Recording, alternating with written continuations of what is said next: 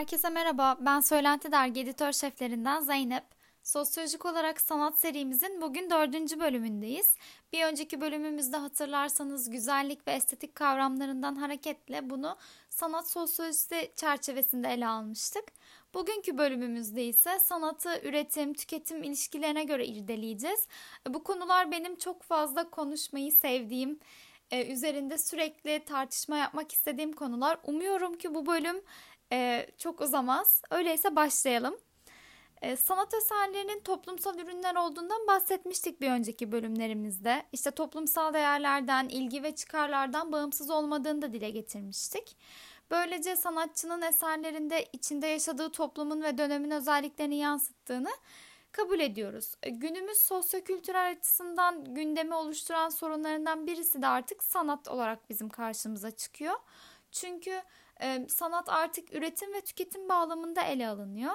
E, hal böyle olunca da üretim ve tüketim terimlerinin sanat içerisinde e, böyle bir algı yaratmasına neden olan etkense aslında genel olarak sanatın geçmişe göre daha çok kitleselleşmesi. E, dolayısıyla da bizim aklımıza endüstrileşme geliyor.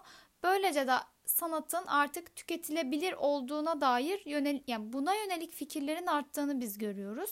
Tabii ki bu noktada e, kültür ürünleri sıfatının yerleşmesini söyleyebiliriz ya da var olan kültürel ürünlerin teknolojik imkanlarla çoğaltılması, işte sanata yönelik taleple isteklerin uluslararası pazarlar, şirketler vasıtasıyla yönlendirilmesi ve çoğaltılması ya da sanat eserinin parayla ile değiş tokuşun artması gibi sebepler bu endüstrileşmede etkili oluyor. Tam da bu noktada aslında sanat eserinin yaratıcısı olan sanatçı ve tasarımcılar, işte üretici, pazar, kamu özel kuruluşlar ya da e, tüketici olarak adlandırıldığımız, adlandırdığımız izleyiciler ise bu şekilde bir üretim tüketim bağlamında ele alınıyor.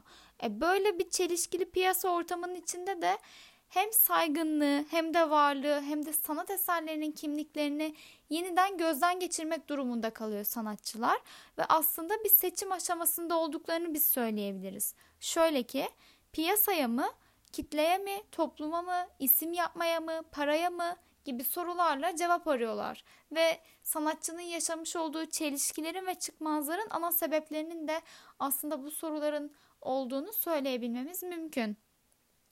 Ee, üretilen sanat eseri kendisine ilgi gösteren, onu anlamaya çalışan ve sonuçta estetik bir haz alan izleyiciyle başka bir anlam daha kazanıyor.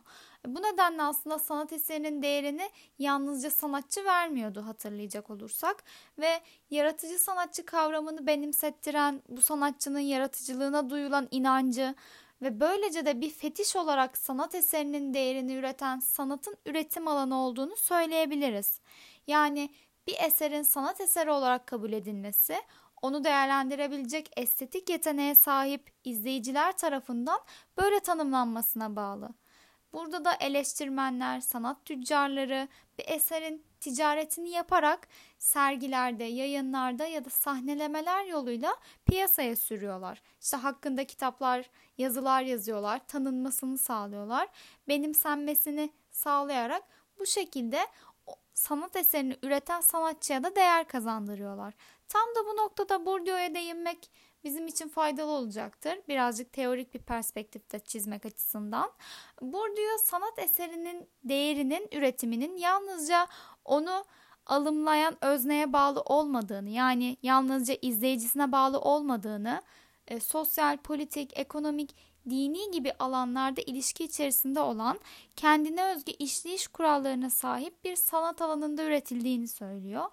Zaten e, sanat eserlerini bireysel yaratıları dikkate almadan yalnızca kolektif bir çalışmanın ürünleri olarak görerek yapılan ilk analiz türünün e, Becker'a ait olduğunu söyleyebiliriz. Art World adlı kitabında sanatın en iyi biçimde anlaşılması için içerdiği çeşitli aktörlerle birlikte düşünülmesi gereken bir toplumsal inşa süreci olduğunu söyler bize Becker.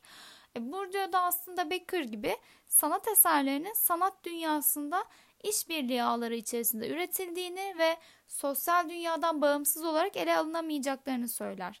Yani bu aslında bizim önceki bölümlerde söylediklerimizin bir kuramsal olarak yaklaşımı olarak da söyleyebiliriz.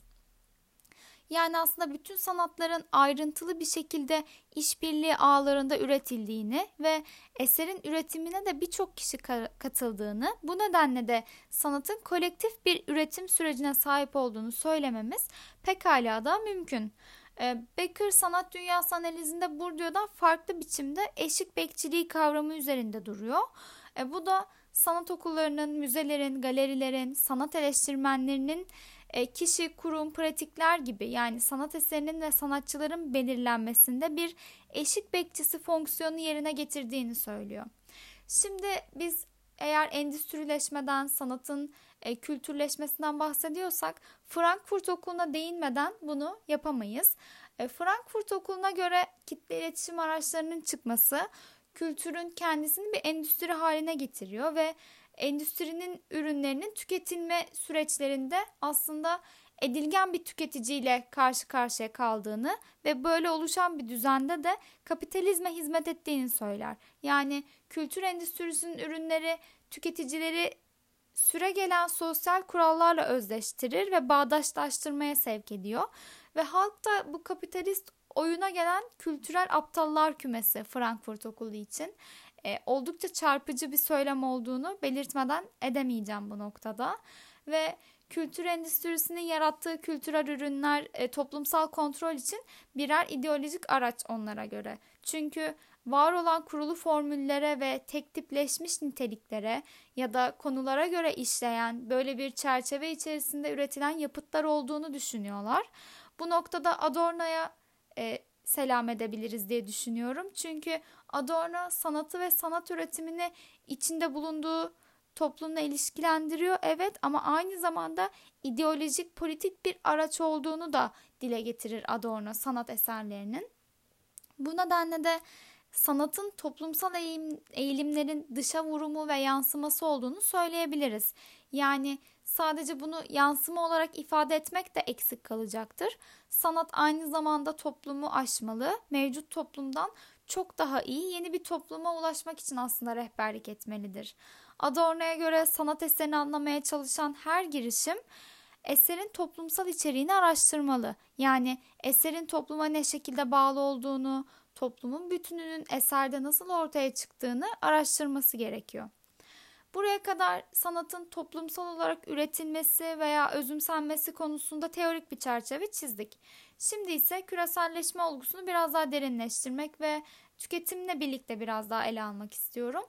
Hepimizin de aslında aklına gelecek tanımlamalardan birisi olan tüketim, mal ve hizmetlerin bireylerin ihtiyaçlarını karşılayacak şekilde kullanılması.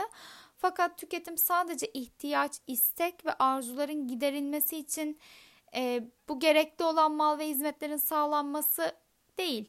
Artık toplumsal, sınıfsal ve aslında statüsel göstergilerin birer etiketi haline geliyor günümüz dünyasında. Bir yanda toplumda hedonist ve konformist bir yaşam biçimi yaygınlaşırken diğer yandan kitle iletişim araçlarından, medyadan ve reklam endüstrisinden bahsetmemiz gerekir. Zaten bu saydıklarım da aslında oluşan bu yeni yaşam biçimini kutsallaştırmaya, insanları sürekli tüketmeye, tüketimle mutlu olmayı öğretmeye çalışıyorlar. Kısacası modern birey için tüketim sınıfsal bir göstergenin aracı ve sorunlardan kaçmanın bir yolu ve ihtiyaç kategorisinin de kendisi olmaya başladığını söyleyebiliriz. Özellikle sosyal medya ve tüketim ilişkisini bu söylediklerin perspektifinden düşünürsek çok daha iyi kafamızda şekilleneceğini ben düşünüyorum. Tüketim kültürünün, tüketim olgusunun topluma benimsetilmesi ve toplumda alışkanlık haline getirilmesi olarak tanımlayabiliriz. E, tüketim kültüründe nesneler artık satın alınır alınmaz hemen tüketilerek bir atığa dönüşüyor. Aslında bu da tüketim kültürü ve kapitalizmin hakim olduğu bir toplumda atık duruma düşen nesneleri yeniden dolaşıma sokmak ve bir sanat nesnesinin malzemesi haline getirmek mevcut sistemde muhalif bir tavır olarak adlandırılıyor sanat sosyolojisinde ve sanatta oluşan bu muhalif tavır bizim karşımıza öncü ve yenilikçi anlamına gelen avantgard olarak isimlendiriliyor. Kapitalizme bağlı olarak sanat eserinin ürün olması şeklinde biz bunu düşünebiliriz. Hal böyle olunca izleyiciyle oluşan bağın da bir tüketim eylemi haline dönüştüğünü söyleyebiliriz. Yani e, izleyicinin aslında sanat eserinden aldığı estetik haz artık bir noktada yerini tüketim olarak alıyor ve bu nedenle de kullanat dinamikleri zaten tam da bu noktada kapitalizmin istediği şekilde pekişiyor. Sanat çerçevesinden de düşünürsek. E, tüketim çılgınlığı ne kadar eleştirilirse eleştirilsin, tüketim devam ediyor. Beğeni ve özenti yaratılmaya, toplumda yaratılmaya da devam ediyor ve bu şekilde yayılması da zaten arzulanan şey. Fakat eleştirme durumunun biz çok az sayıda sanat eserine yansıdığını görüyoruz. Mesela Oldenburg'un e, köpükle doldurulmuş devasa hamburgerlerini veya çatala yaslanmış köfte ve spagetti eserlerini bu eleştiri niteliğinde bir sanat eseri olarak görmemiz mümkün. Amerikan reklamlarının görsel dilindeki değerler sisteminin manipüle edilmesiyle ilişkili aslında onun bu eserleri ve kapitalist tüketim ürünlerini halkın çoğunlukla bulunduğu açık alanlara yerleştirerek sunduğu eserlerinde aslında Oldenburg'un ele almak istediği bakış açısı da banellik üzerine. Küreselleşmenin temel kavramlarından birisi kültür ve onun sanatsal dayanak ile ele alınan boyutu. Yani postmodern sanat, meta merkezli veya ticaret temelli kitlesel tüketim ortamında yeni açılımlara ulaştığında mümkün oluyor. Bu da aslında sanatın tüketilebilirliğini ortaya çıkarıyor. Böylece sahip olduğu niteliği, işlevi, anlamı açısından bakıldığında sanatın tüketilebilir olduğunu biz söylemiyorduk. Yani bu şekilde bir anlayış hakim değil. Ama bu noktada artık bir ayrılma noktasında olduğunu söyleyebiliriz. Bu durum doğal olarak sanatı olumsuz olarak etkiliyor ve e, paylaşım biçimlerini de yeni paylaşım biçimlerini ortaya çıkarıyor daha doğrusu. Bunun da bir takım tüketim nesneleriyle açıklanmasına yönelik önerilerin sayısı fazlalaşıyor. Yani tüketim ve kültür kavramlarının oluşturmuş olduğu yapı artık sanat eserlerinin üretiminin amaçlarını belirleme noktasında yetki ve gücü elinde bulunduruyor. Hatırlayacak olursanız Frankfurt Okulu'nda Adorno'dan bahsederken iktidar ilişkileri ve politik e, ideolojiler açısından yani politik planlarla birlikte toplum arasındaki bağa dair söyleminin olduğunu da bu noktada hatırlamamız çok daha iyi olacaktır. E, postmodern sanat ve eşdeğer uygulamaların en önemli özelliği bu nedenle sanatın kitleselleşmesi yani kitleselleşirken endüstrileşmesi ve endüstrileşirken de kitlelerce para karşılığı olarak tüketilmesi şeklinde biz bunu değerlendirebiliriz. Fakat sanatsal üretimin tüketimine yönelik olarak günümüzde yaşanan ilk engel sanat üretimlerinin özellikle hangi kültürel tabakaya hitap ettiği sorunundan kaynaklanıyor. Özellikle Türkiye'de sanatsal üretimin ve üreticisinin kimlere hitap edeceği yani hedef kitlesinin kimler olacağının doğru şekilde belirlenmesi noktasında problemler yaşandığını söyleyebiliriz. İlk olarak bu kitlenin sosyokültürel özelliklerini, niceliğini ve etki alanını öğrenmekle gerekiyor ve bu kitle bir toplumun sosyokültürel çemberinde elit bir tabaka mı yoksa daha geniş çerçeveli tüm kültür çevresini ele alan yani içine alan bir ki halk kültüründen mi bahsediyoruz gibi sorunlara değinmek gerekiyor. E, bu sorunların bir zorluk olarak değerlendirilmesinde e, kentliler, yüksek tabaka veya elit tabakanın yanında üretimin benimsenmesi aşamasında söz konusu olabilecek halk kültürü kitlesinin belirlendiği zamana ve kabullenmeye dayalı sürecin uzun ve sonuçsuz kalabilmesine dikkat çekmemiz gerekir. E, biraz da sanat ve tüketim toplumundan bahsedip bu bölümü sonlandırmayı düşünüyorum.